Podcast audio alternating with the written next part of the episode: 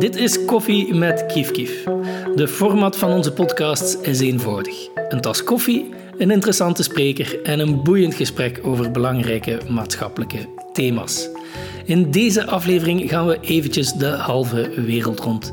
We gaan naar Hongkong en proberen te achterhalen hoe men daar omgaat met racisme en genderverhoudingen. Al moet ik toegeven dat die reis misschien een beetje virtueel is. Voor de opname van deze podcast zit ik immers heel eenvoudig in Antwerpen. Ik ben er te gast bij Katrien Jacobs. Ja, ik ben dus uh, dit jaar uh, op sabbatical in, in Antwerpen. Maar normaal woon ik in Hongkong. Ik woon daar al sinds 2005 en ik werk daar aan de universiteit, de Chinese universiteit. En ik geef daar les over media, eh, gender en seksualiteit en activisme en ook nieuwe kunstvormen. En dus ik ben ook heel erg geïnteresseerd in activisme en hoe dat werkt hier in Europa en dan ook in Hongkong. Katrien, we leerden elkaar kennen omdat we vanuit uh, Kief Kief bij u aanklopten om de vraag te stellen of dat je een lezing wou geven rond seksuele fantasieën en frustraties bij extreem rechts. Die lezing ligt ondertussen achter ons, maar iedereen kan die volledig op YouTube bekijken. Ik zal de link in de beschrijving van deze podcast plaatsen. Maar vandaag dus, eh, zoals gezegd, gaan we dieper ingaan op een heel ander onderwerp: racisme en genderverhoudingen in Hongkong.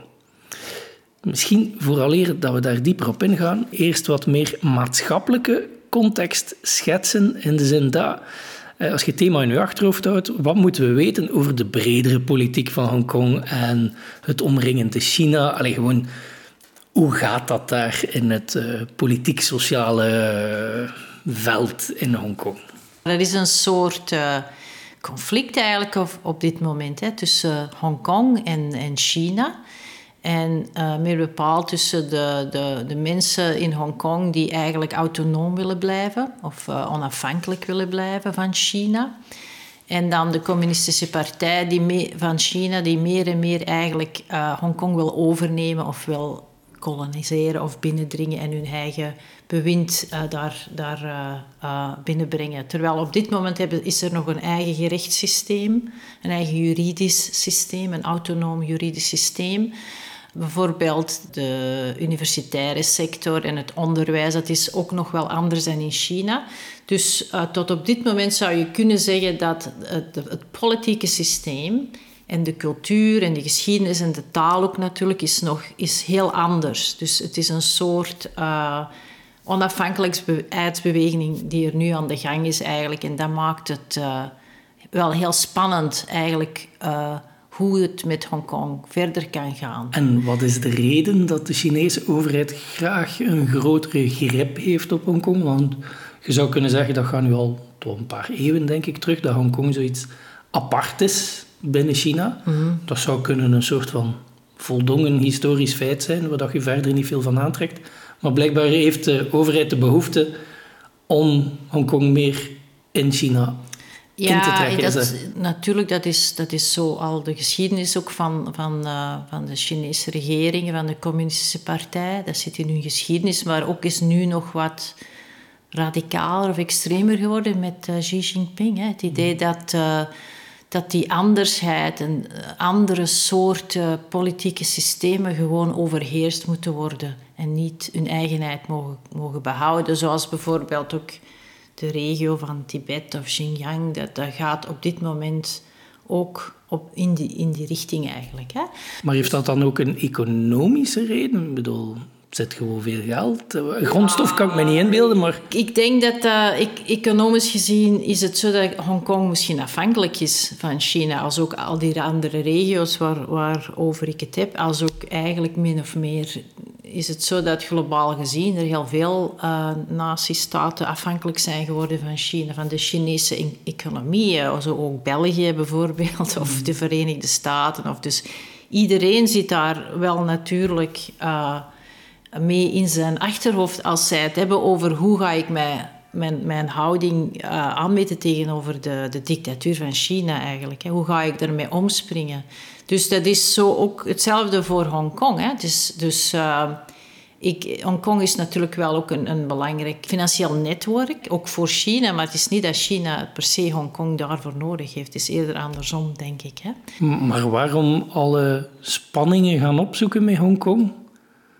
Als je het niet per se nodig hebt, je wint er niet zoveel mee. Waarom wilden ze het dan per se binnentrekken en meer homogeen politiek maken? Ja, ik denk dat dat zo eerder een vraag is die je beter aan dat dat aan, aan de communisten kunt stellen. Want het is toch wel een manier om, om, om, uh, om hun identiteit te drukken op die, die mm. verschillende regio's. Hè? Van, uh, dat diversiteit eigenlijk dan toch niet geapprecieerd kan worden.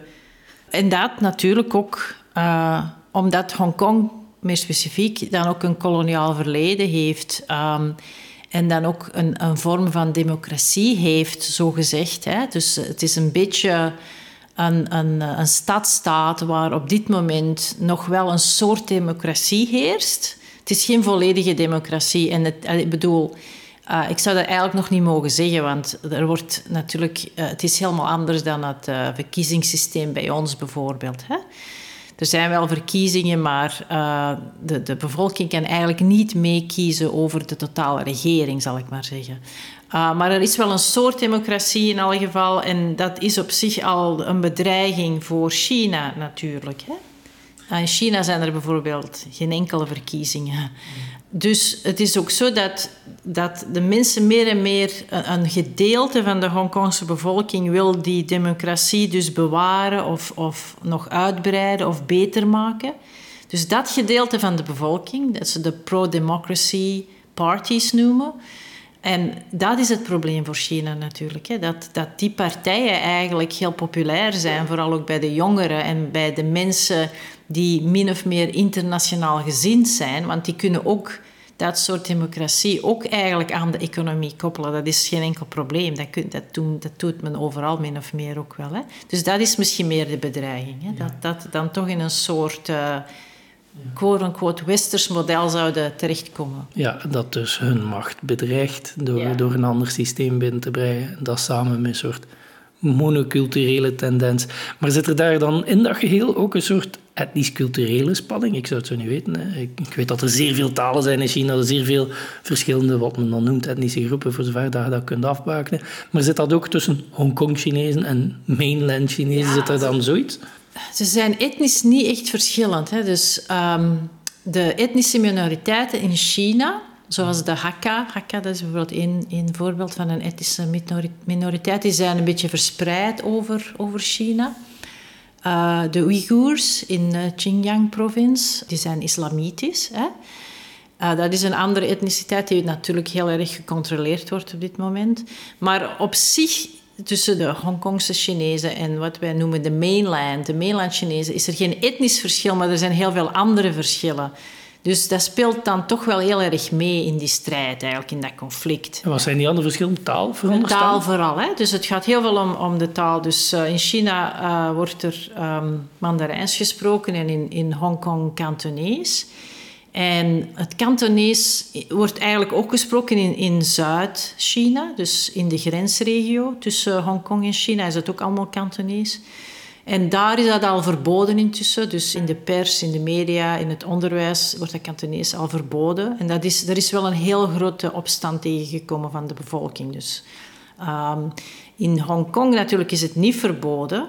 Kantonees is nog wel de, de, de, de voertaal, de, de meest gesproken taal, de meest gebruikte taal. Maar natuurlijk is het ook wel zo dat ze toch meer en meer ook Mandarijns willen binnenbrengen, in de scholen bijvoorbeeld. Dus dat is een heel gevoelig punt. En ook omdat de Hongkongers ook met Engels zijn opgegroeid, hè, vanuit die andere kolonisatie. Dus ze voelen zich zo een beetje in het nauw gedreven. Hè. Dus ze zijn, vele Hongkongers kennen ook goed Engels. En het is ook de reden waarom ik daar zelf kan wonen en werken. Want ik, mijn Kantonees is ook niet, niet heel goed dat ik, dat, dat ik daarmee verder zou kunnen op professioneel vlak. Um, maar ze, ze, kunnen wel Engels, ze kunnen ook Mandarijns, maar ze voelen dan toch dat de Kantonees bedreigd is en een minder belangrijke plaats gaat innemen. En daarom is het zo dat bijvoorbeeld bij die pro-democracy uh, kampen, bij die, bij die bewegingen, zoals die uh, umbrella movement, dat de Kantonees wel heel erg belangrijk wordt. En dat ze er ook heel veel uh, slogans in maken en grapjes. Dat is ook zo'n taal die eigenlijk niet vastgelegd is in een grammatica of een woordenboek. Dus uh, een beetje zoals Vlaams eigenlijk wel. Van, omdat het eigenlijk niet officieel is, gaan mensen er meer, meer mee spelen. En ook die dialecten meer behouden. En ook zo van die dingen uitvinden in hun, in hun eigen Kantonees dialect. En dat hebben we dus gezien tijdens die Umbrella Movement. Dus dat is taal. Aan de ene kant zijn er ook andere culturele verschillen die zo... Ja, natuurlijk. Het is, het, is, het is van alles en nog wat natuurlijk. Cultuur, literatuur, filmgeschiedenis. Het, uh, Hongkong heeft ook een hele rijke filmgeschiedenis. Hè. Ze hebben zo een filmcultuur, industrieën gehad van de jaren 60, 70, 80 tot 90. Stel ik mij daarbij voor, zo van die Bollywood-achtige dingen, nee, maar dan nee, in Chinees? Nee, arthouse ook. Hè. Heel veel van die kwaliteit, kwaliteitsfilms toch ook. Hè. Van uh, de Shaw Brothers. Uh, natuurlijk ook heel veel kung fu. Hè. Dat heb je misschien ja, meer. natuurlijk. Die, Bruce Lee en... Uh... Bruce Lee, de meer commerciële films. Maar ook toch wel meer een arthouse kwaliteits filmproductie. Dat, het is ook daarover waar heel veel Kantonezen bedroefd over zijn, over het feit dat die traditie ook aan, het weggaan is. Want op dit moment kunnen ze alleen nog filmen maken met, hulp, met behulp van Chinees money, uh, geld sorry, van de industrie vanuit China. Hè? Dus die films moeten dan altijd aangepast worden aan het mainland Chinese publiek. En dat betekent dat er veel meer censuur op zit ook, natuurlijk. Hè? Dus dan is het ook wel zo van dat ze vinden dat de echte Hongkongse film eigenlijk niet meer bestaat. want die was wel pittiger en, en gewaagder en gedurfder. En ook erotica bijvoorbeeld. Dat is ook een soort geschiedenis uh, van erotische filmen, soft erotische filmen. Het was allemaal heel, heel erg creatief en, en uh, echt een bruisend moment van hun cultuurgeschiedenis. Uh, dat nu ook een beetje aan het vervloeien is door, door verschillende omstandigheden. Maar één omstandigheid is het feit dat China te veel controleert. Oké, maar dus dan eigenlijk alles wat je beschrijft is een soort hevig proces van monoculturalisering in Hongkong, die gedreven wordt vanuit wat je een halve kolonisatie kunt noemen. Um, maar speelt daar dan ook racisme in? Allee, cultureel racisme dan, hè? als je zegt er is geen etnisch onderscheid. Maar uiteindelijk of misschien is mijn vraag, zijn er processen van othering bezig aan beide kanten? Tuurlijk, tuurlijk. Zeer zeker. Hè? Ook in de media. Bijvoorbeeld in de Chinese media, de Chinese pers die helemaal gecontroleerd wordt. Hè? Is het ook zo dat er negatieve stereotypes zijn over, over Kantonezen? Vooral, nogmaals, vooral over de Kantonezen die een beetje linkser zijn of democratie gezind zijn. Hè? Dus dat is ook met die, met die uh, movement veel meer uh, naar buiten gekomen. De, mensen zijn dat ook meer gaan onderzoeken. En dus de, de, de Chinezen van mainland die zijn wel opgegroeid met een vervreemdend beeld van over Hongkongers en hoe die zijn. Niet alleen dat ze bijvoorbeeld dus een beetje losbandig zijn misschien, of dat ze dus zich niet kunnen aanpassen uh, aan het goede China. Hè? Dat is één cliché. Maar ook nog andere dingen. Ook van dat ze verwend zijn. Dat, ze, dat, het allemaal, dat was dus een van de, van de clichés over de umbrella-activisten. Dat ze eigenlijk rijke luiskinderen waren. Ook, dat ze verwend waren.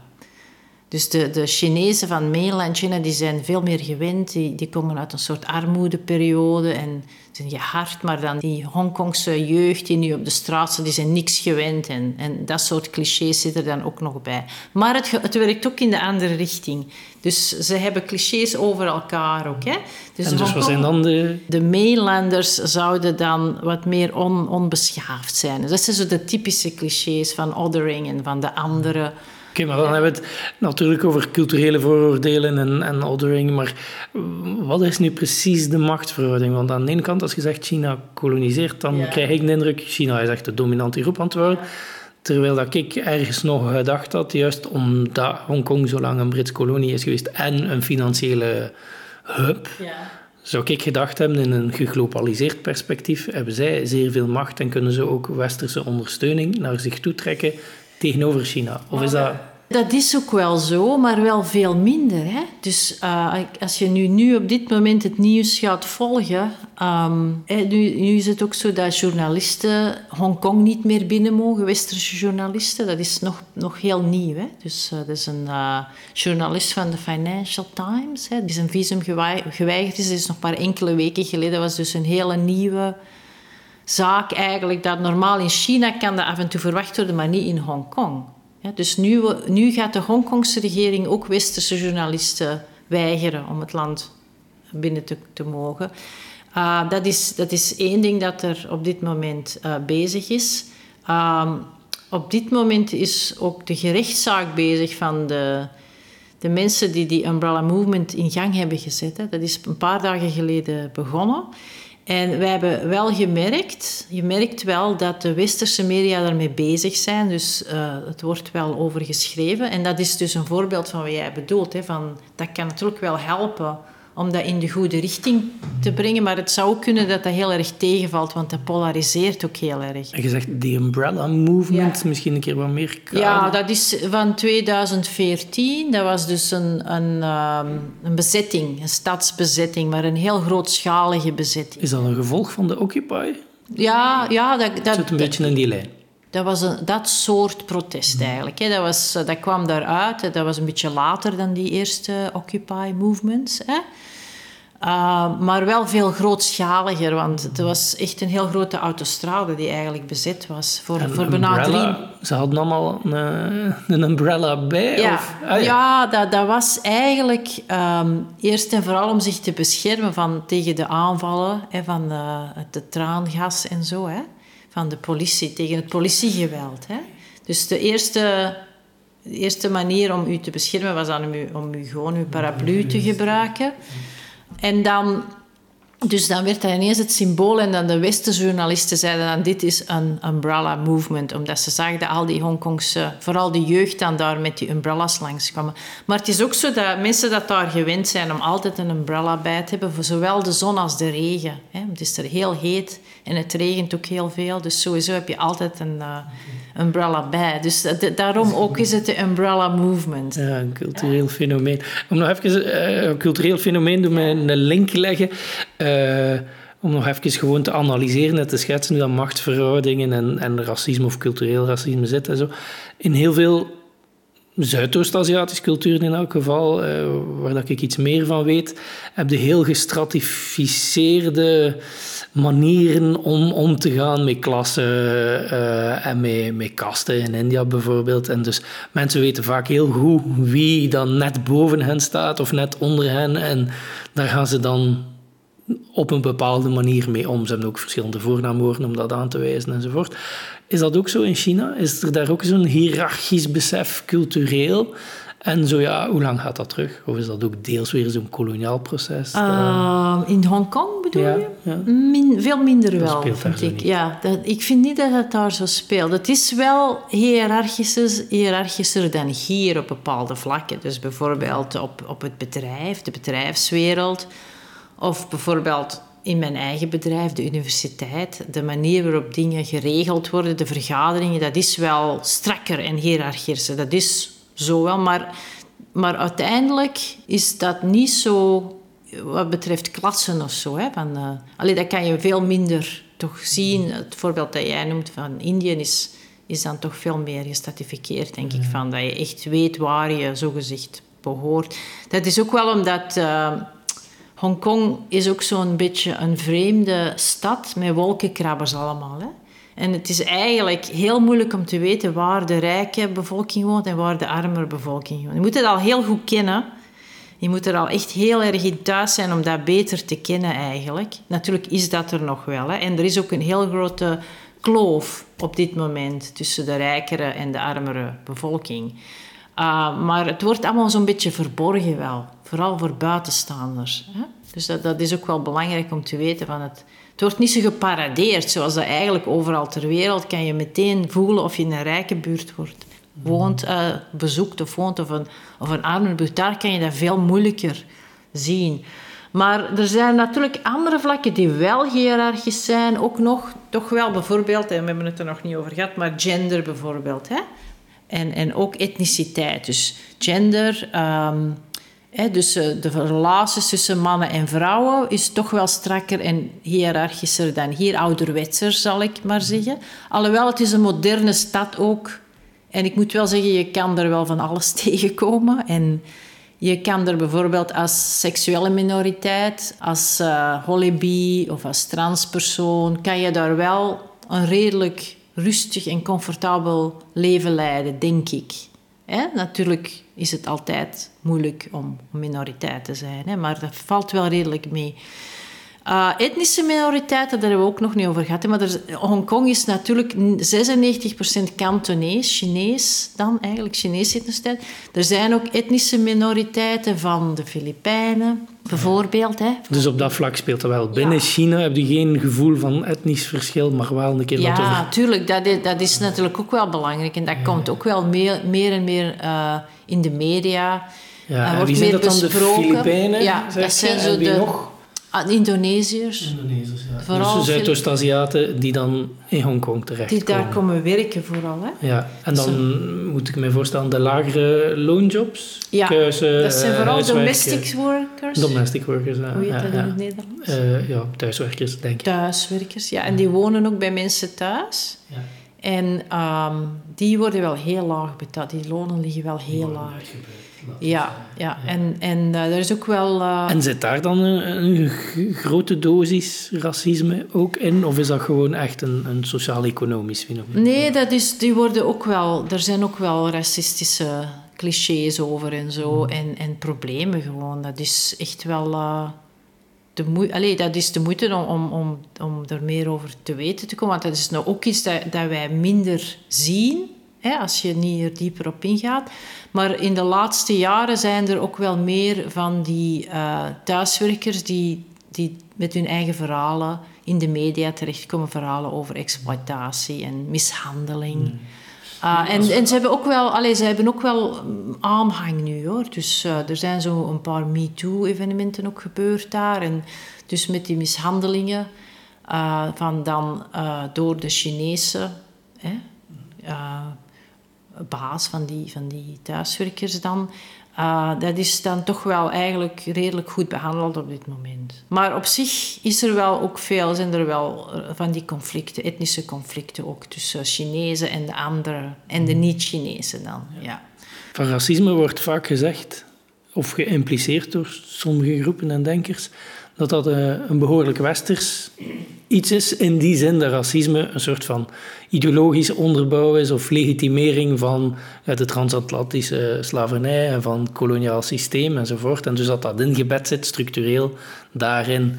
eh, en dat andere vormen van uitbuiting, uitbuiting en discriminatie zijn en zo, maar geen echte vorm van racisme. Maar nu vraag ik mij af, bij die specifieke groepen zit daar ook een soort van koloniaal verleden van China dan, die in vorige tijden in de Filipijnen, weet ik het, de macht had en dat die machtsverhoudingen zich nu eeuwen later nog verder zetten. Ik weet het niet, want ik ken de geschiedenis te weinig van de regio. Dat, dat is niet echt eh, het geval bij de Filipijnen bijvoorbeeld. Hè. De Filipijnen zijn dan weer door andere naties gekoloniseerd. Hè. Maar op dit moment bijvoorbeeld zijn er heel veel spanningen tussen China en de Filipijnen ook. Hè. Dus dat speelt misschien wel mee ook weer, hè, van die spanningen. Die geopolitieke spanningen vertalen zich naar, net gelijk bij ons. Hè. We vechten in een moslimland en dus zitten we in één keer te viseren. Een incidentjes, een soort gijzeling, hè? ook van een, een bus van toeristen, Hongkongse toeristen in, in de Filipijnen. Dat heeft ook heel lang zo'n nasleep, zo'n erge nasleep gehad. Maar op zich is het ook zo dat die, dat die bevolking, dus die groep van thuiswerkers, die, die zijn ook wel redelijk goed bezig om zich een beetje meer eh, te laten kennen in de, in de public sphere. Zo in Hongkong bijvoorbeeld. Elke zondag komen die samen en dat is, niet, dat is eigenlijk gewoon een soort manier om eh, een social outing te hebben voor hen. Hè? Maar de, de, op die manier kun je ze wel heel goed... Je kan die dus zien en je kan ermee spreken. Ze zijn ook super vriendelijk en echt outgoing. En die, die gaan dus echt in de parken zitten, zitten eten, zitten zingen, zitten dansen. Dat is echt zo'n feestje. Dat is wel interessant. En dat, is tegelijk een vorm van activisme om te verbinden en Ja. zich langs een heel andere manier te laten zien aan de samenleving. En, de, en dat, zijn echt, dat is echt honderdduizenden mensen. Je hebt dat echt grote groepen mensen. En die doen dat echt elke zondag. Dus op zich heb je, zijn ze niet verborgen. Hè? Want je kan ze dan wel zien op die dagen. En je kan er inderdaad ook gewoon wel mee gaan spreken. Ik wil, ik wil zelf eens nog wat verder ingaan op dat activisme, maar eh, we zijn de genderverhoudingen eh, hebben we daar net even laten liggen. hè. En dus ik zou eerst die nog even willen analyseren. Ehm, je zegt door de band genomen eh, conservatiever, zeg maar. Maar eh, hoe precies dan, wat moet ik mij voorstellen, hoe, zitten die verhoudingen wel in elkaar? Eh, dingen zoals, eh, wat we vaak horen, het zogezegde prinsjessyndroom in China, omdat er een one-child policy was en dat iedereen zijn manneke of zijn jongens behield, maar de meisjes niet. Bestaat dat? Is dat een echt fenomeen? Ziet je dat ook in Hongkong? Dat is minder in Hongkong. Hè. In, in China heeft dat ook te maken met het feit dat ze maar één kind konden hebben. Hè. En dan wilden ze nee, ook... de policy bestond niet in Hongkong. Nee, nee, dat is echt Chinees, mainland Chinees. Dus eh, in, in China met de one-child policy en dan voor, wilden ze allemaal een jongetje, hè, want er zijn ook eh, heel veel meisjes die dan vermoord zijn bij de geboorte. Dat is ook zo, hè.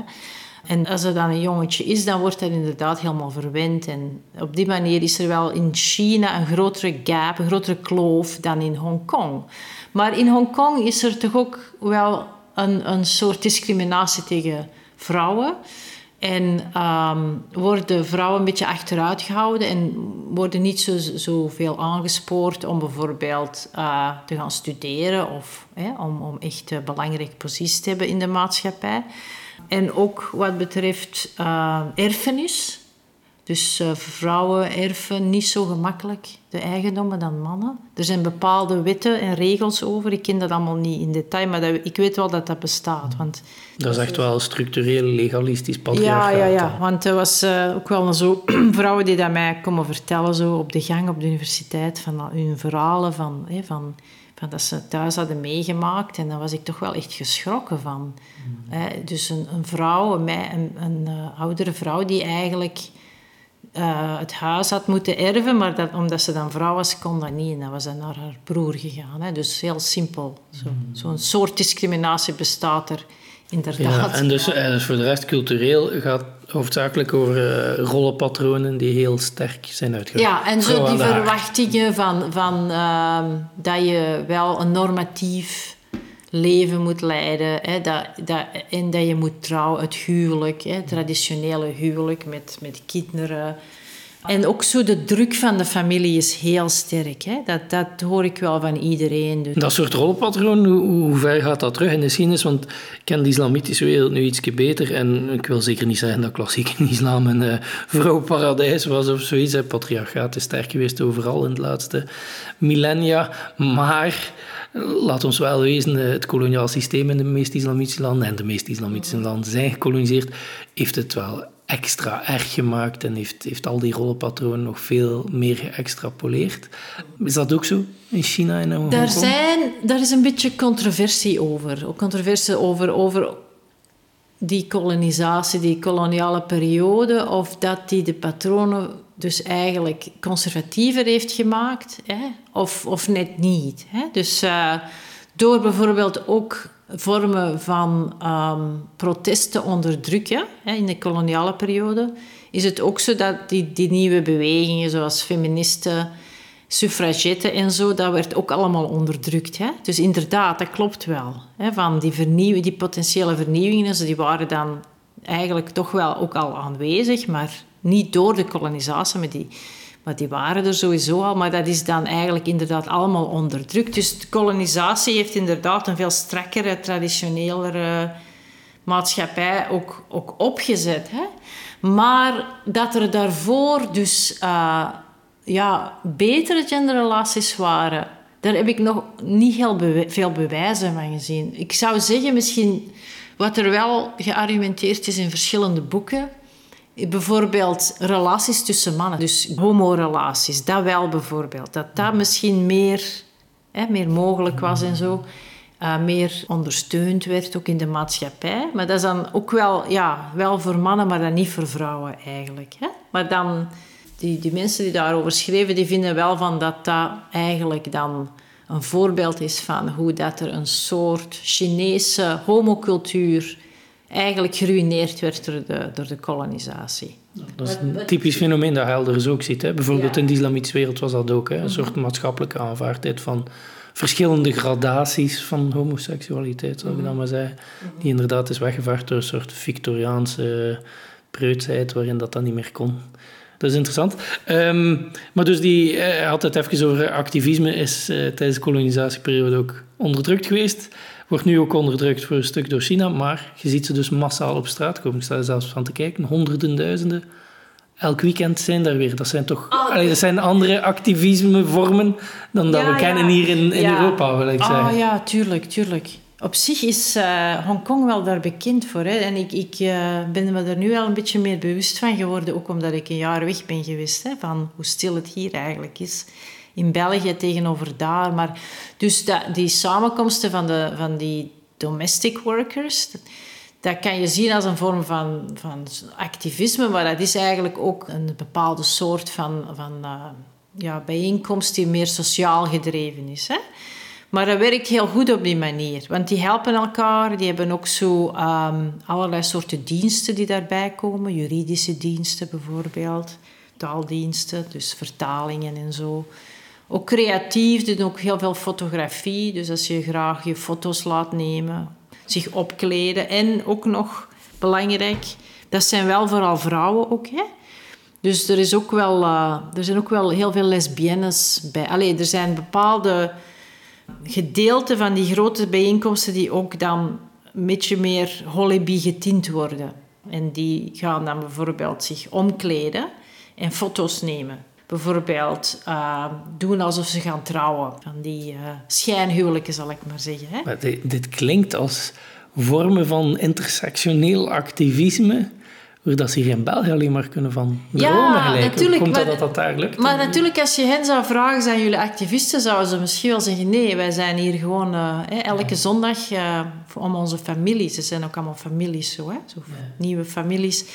Maar het is wel zo, er komt heel veel uit los. En het is ook zo dat daar ook traditionele activisten tussen zitten. Dus uh, traditionele laboractivisten uh, dus op zich is dat wel zo dat, dat, dat, de, maatschappij erg beïnvloedt in Hongkong. Hè? De Hongkongers zelf ook, die hebben ook een heel sterke traditie om op straat te komen. Hè? Dat is, uh, en dat is allemaal gegalvaniseerd tijdens die beweging, die umbrella-beweging. Maar dat gaat ook al toch wel al lang terug in de geschiedenis. En die umbrella-beweging, want er, net hebben we een vergelijking gemaakt met uh, Occupy. Maar Occupy, laten we zeggen, zo niet zeggen, is een stille dood gestorven. Volgens mij zijn de zaadjes geplant die later gaan komen. Maar het is niet dat we een rechtstreekse link kunnen trekken nu naar nog bestaande bewegingen. Is dat met die umbrella movement anders? Uh, is dat... Ah, hetzelfde, dat is een beetje uitgestorven. Maar omdat er voor die umbrella moving, uh, movement al andere vormen van van massaal protest zijn geweest in Hongkong, is het dan toch weer niet uitgestorven. Dus het, de, manier waarop de Umbrella Movement was, was uh, eigenlijk uitgewerkt, die occupatie dan, dat, dat fantastisch element ervan, dat je plots gewoon in de stad eigenlijk gaat neerzitten voor een paar maanden, dat was nieuw. Maar op het feit dat je eigenlijk op een uh, vreedzame manier je uh, mee wil doen aan civil rights en, en daar dan ook... ja, bepaalde wetten bij volgt, dat, dat is ook al lang, lang, lang mm. bezig. Je kan die permits ook krijgen, je mag de stad gebruiken om, om te demonstreren. En, dat, gebeurt, dat gebeurt enorm veel. In Hongkong kom je bijna elke week demonstraties tegen. Ook al is het een heel drukke, bezette, uh, zo'n wolkenkrabberstad...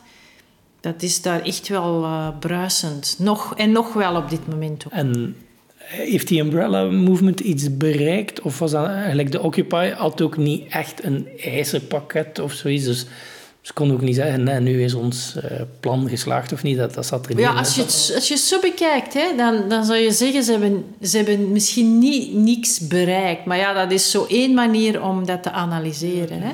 Want die, die eis was dan gesteld aan de, communistische, aan de Hongkongse regering.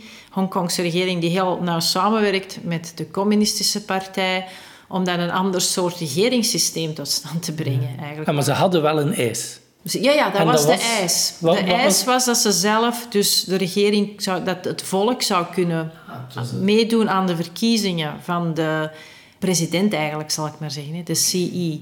Eigenlijk pure democratie. Ja, Dat ja inderdaad. Eh, dat was een heel concrete eis ook. Hè.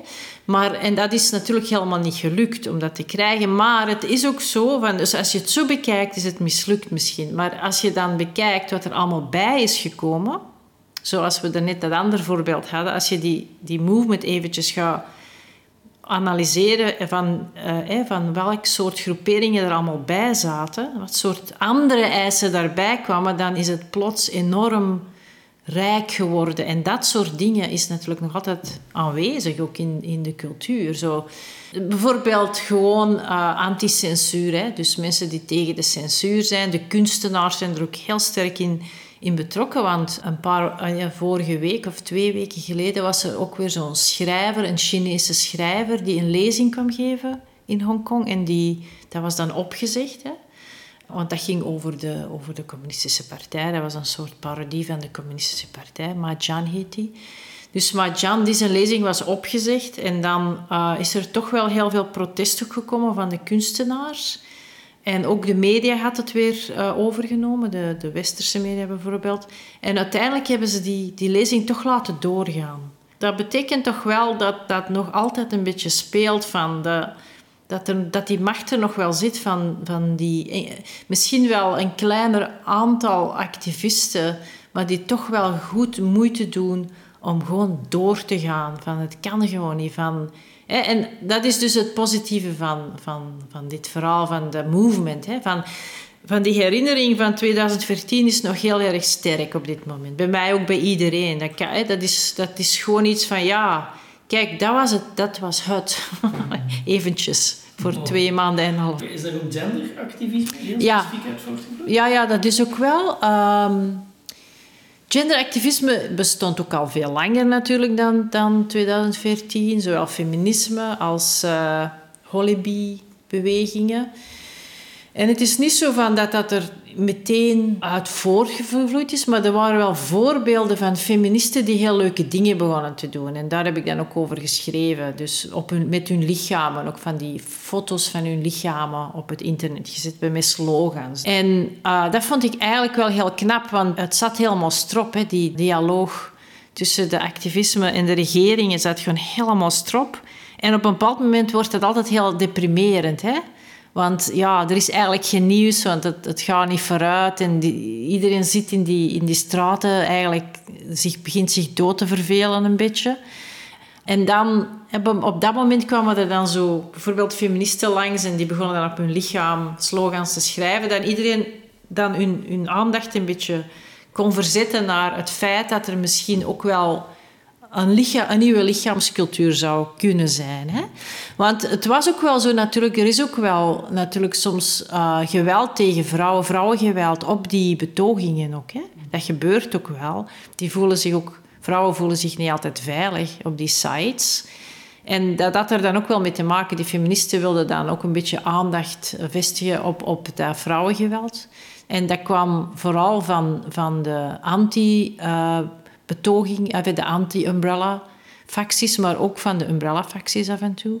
Dus eh, dan is het inderdaad zo dat, dat dat allemaal een beetje verschuift. Dan is er ineens een soort atmosfeer waarop dat mogelijk is. Van je kan meteen beter thuis voelen, want er zitten zoveel mensen met, met vrolijke ideeën plots daar op die straten, dat je er zelf ook beter bij kan. Dus op die manier, op die manier gebeurt het. En dat is eigenlijk leuker, hè? Want dan, dan, dan is het een soort spektakel, een soort entertainment ook. Van wauw, wat er- de, de dingen waar de mensen mee afkwamen, dat is ongelooflijk. En dat houdt je veel bezig. eh, en dat is...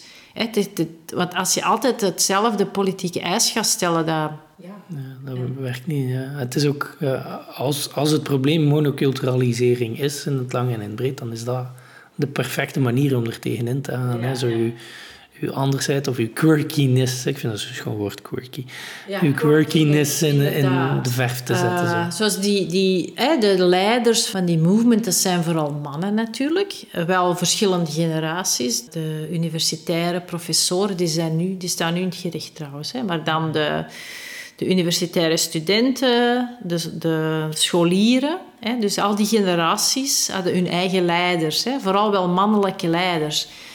Maar de vrouwen begonnen dat. Allee, dat waren zo. Dat is een, een eh, subcultuur in, in uh, Hongkong en in China. En dat komt van Japan. Dat heet boys love. Maar dat betekent dat vrouwen gaan uh, speculeren of fantaseren over mannen hun seksleven. En homofiele sekslevens vooral. Dus die gaan dan ook mannen samenbrengen en, en dan doen alsof die een relatie hebben. Dat was daar ook helemaal bij. Dus die twee van die uh, universiteitsstudenten die werden dan zo geslashed, zo van samengebracht. En dat was dan zo gezegd een homokoppel. Um, en uh, wat, is de, wat is de, ja, ik weet het niet, sociaal-politieke statement dat je daar uh, Ik denk, ik heb dat helemaal geanalyseerd. Dus ik heb, eh, want dat was ook op Facebook bijvoorbeeld. Hè, dus van Alex heette dat. Hè. Dus er waren twee personen. Uh, Alex Chow en Lester Chum, zo heette die, hun Engelse namen. En dan die vrouwen brengen die samen. Oh, die worden nu verliefd op elkaar.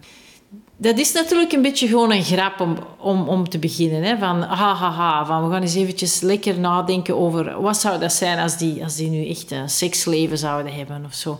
Maar op zich, als je een beetje dieper denkt, is er natuurlijk ook een kritiek op, op, die, op die mannenwereld, hè? op die mannelijke politieke wereld en die echte leiders. Hè? Dus die, die, die studentenleiders, dat zijn nog niet de echte leiders, dat zijn een beetje de fantasieleiders. Want hè, die occupatie, dat stond al op, op, op dat moment al op springen, zal ik maar zeggen. Hè. Dus um, dan vind ik toch dat het een manier is om, om mannelijk leiderschap te herdenken en, en te herfantaseren. Die fantasieën dan toch wel uh, zeggen van zo'n soort leiders zou veel leuker zijn of zo. Hè? Zouden wij veel leuker vinden.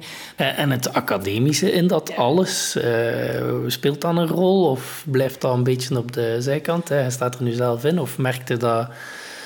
Zijn de studenten van uw faculteit de dragende krachten erin of creatieve krachten? Ja, toen wel natuurlijk. Um, in 2014 waren er heel veel studenten aanwezig hè, op die, op die uh, bezetting, die stadsbezetting. Dus uh, bijvoorbeeld toen het begonnen was, werd onze universiteit gewoon gesloten ook hè, voor een paar weken. Zo serieus was dat wel. De universiteit werd gewoon gesloten, want het was echt een, een politieke crisissituatie. En dan tijdens dat semester, toen de studenten dan eigenlijk meer... Alleen vele studenten waren dan bij die occupatie. Natuurlijk, andere studenten blijven gewoon thuis. Maar dan werden wij wel gevraagd om daar sympathie voor te hebben om eventueel met hen te gaan praten, om, om toch wel ze te helpen. En dat was natuurlijk heel erg apart ook. Hè? Dat betekent dat wij wel in een soort departement zitten die dat een beetje ondersteunde ook. Mm. Maar het was ook wel meer uit bezorgdheid om de veiligheid van de studenten. Dat, dat we als leerkrachten moesten helpen dat ze veilig zouden blijven dat ze zouden eten hebben. En je mocht ook uh, uh, bepaalde intellectuele dingen gaan bespreken met hen of huiswerk gaan maken. Die hadden ook een soort study corner opgezet. Zo'n heel grote klas hadden ze gemaakt, buiten op de straten. Dus ze zaten er allemaal hun homework te maken, hun huiswerk te maken. En dan als leerkrachten en als, als uh, faculteit van de, van de universiteit werden wij aangemoedigd om daar naartoe te gaan Uh, in het begin, hè, toen, toen er echt een crisissituatie was.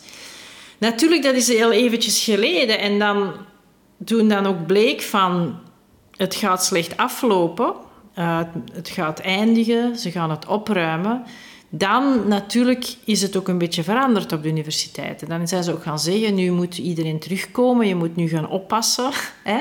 Dus er was wel een backlash dan. Ook van, we kunnen niet meer zo verder gaan, we moeten nu wel echt gaan oppassen. Hè? Daar zitten we nu nog altijd in. Uh, maar daarom is het ook wel belangrijk op dit moment, want er zijn dus twee universitaire professoren die ook die occupatie in gang gezet hadden. Dus letterlijk uh, op de eerste dag uitgeroepen hadden dat het, hè, this is the beginning of the occupation, hè, zoiets. Hun gerechtszaak is op dit moment bezig. Dus ik denk dat op dit moment alle mensen die daarbij betrokken waren vanuit de universiteiten ook wel eventjes zitten denken van hoe, hoe gaat dat aflopen voor die, voor die personen, voor die leiders. Dus als het slecht gaat aflopen, denk ik wel dat de universitaire sector misschien toch gaat reageren, of misschien ook niet. Maar dan zegt, als ze niet gaan kunnen reageren, als het uh, politiek te gevaarlijk zou zijn, dan zal er wel een heel grote kater hangen, denk ik.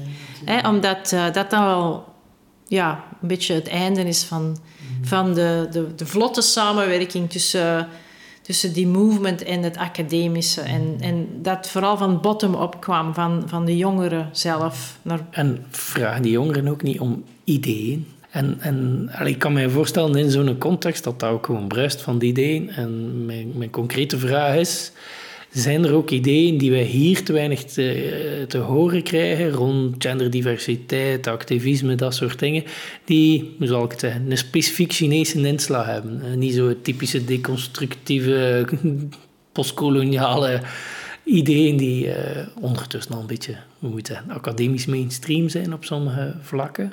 Maar zijn er ook specifiek Chinese manieren om met dat alles om ja, te gaan? Dat, dat is altijd... De, ja, dat is ook wel gezegd toen, hoor, van... Uh, maar ik weet, ik, het is een beetje moeilijk voor mij om aan te duiden wat is specifiek Chinees. Maar er werd wel gezegd bijvoorbeeld um, dat uh, een soort andere mentaliteit was, ook op die, op die sites, die, uh, die bezettingssites.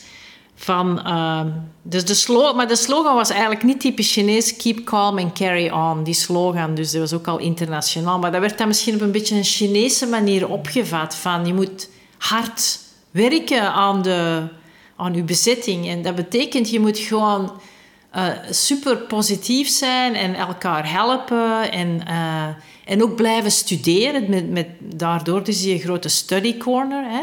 Je mag niet te veel uh, gewoon plezier hebben op een ijdele manier of, of op een hedonistische manier. Een beetje anti-hedonistisch ook. Mm. van, uh, je moet positief aan de maatschappij bijdragen. Dus bijvoorbeeld als je zo op die sites kwam, dan kwamen er meteen mensen naar jou toe om je te helpen. Dat was ook echt zo. Hè? Van, uh, wat heb je nodig? Heb je, heb je drank nodig? Heb je eten? Nou, dat natuurlijk nooit, zelf had ik nooit drank of eten nodig, maar dat zou wel kunnen. Hè? Uh, of vertaling. Heb je vertaling nog? Ja, vertaling heb ik wel nodig, hè? nog altijd. Dus dat was wel de eerste keer in mijn, uh, in mijn leven in Hongkong dat dat gebeurde. Hè? Dat mensen echt kwamen dus helpen. Hè? En ook buitenlanders als buitenlander dan.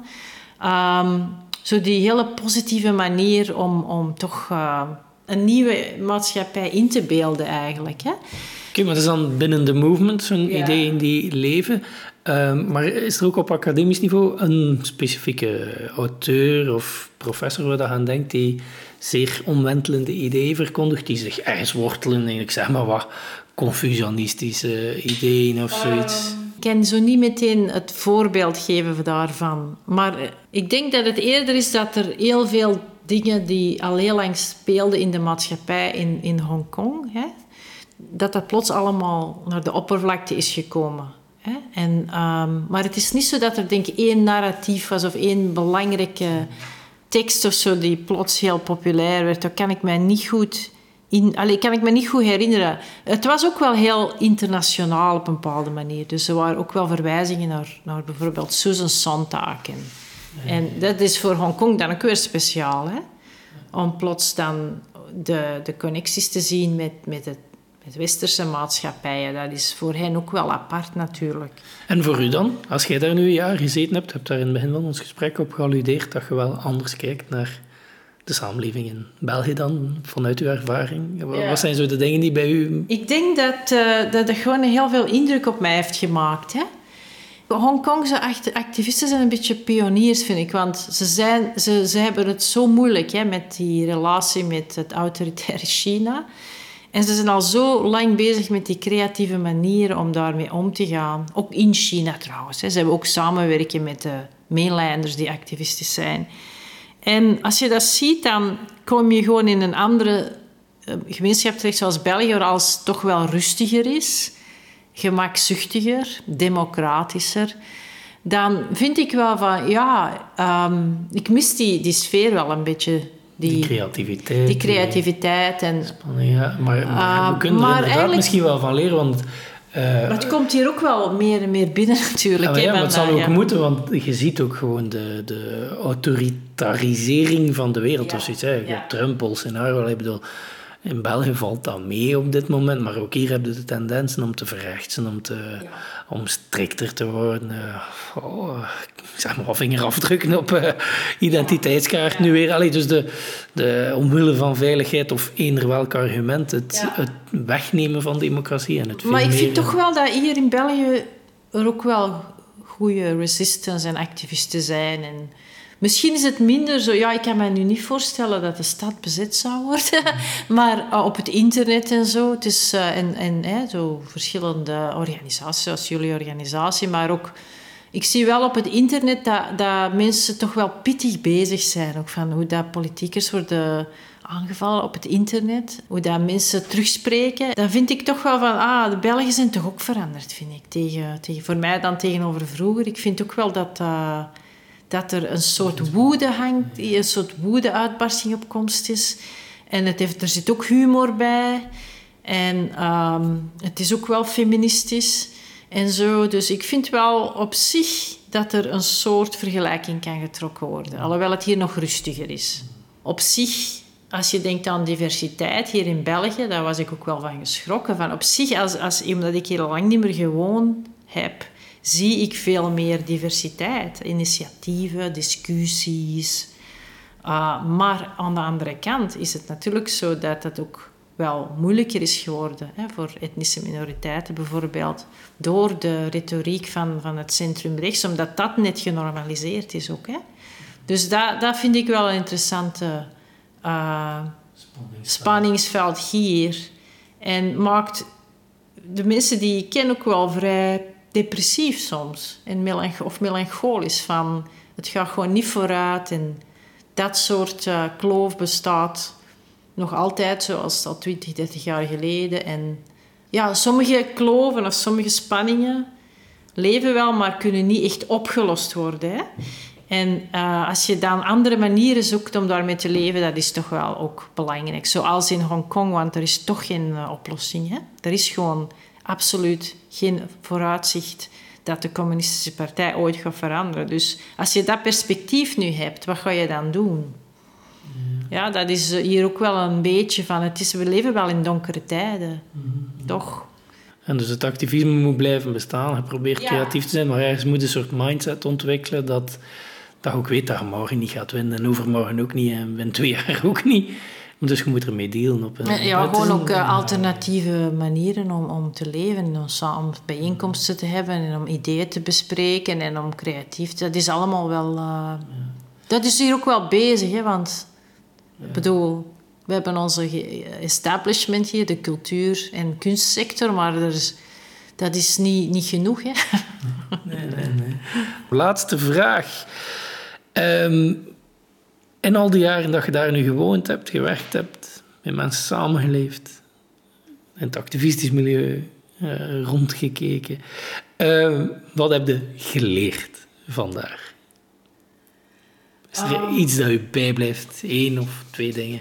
Ja, ik zal nu maar uh, op, een, op, een, brave manier zeggen misschien, maar toch wel denk ik respect voor andersheid, denk ik. Ik bedoel, ik ben wel wit, maar ik ben daar ook wel een minoriteit. Hè. Dus ik heb wel geleerd dat, er, je met andere etniciteiten samenleeft en woont en werkt. Dat je gewoon heel de tijd eigenlijk geconfronteerd wordt met, met andere normen, andere manieren van denken. Um, dat dat soms heel vervelend en moeilijk is, want je hebt heel veel misverstanden, communicatiestoornissen. En ik denk dat dat eigenlijk heel boeiend is voor mij geweest is. En nog altijd. En dat vind ik toch wel tof en, heel leerzaam en zo. En dat maakt je gewoon meer politiek bewust en politiek correct, maar op een, op een leuke manier dan ook. En um, ja, dus je, je blik wordt helemaal verruimd. Hè? En als, als je daarmee begint, dat is moeilijk om dat stop te zetten. Katrien, heel erg bedankt voor dit gesprek.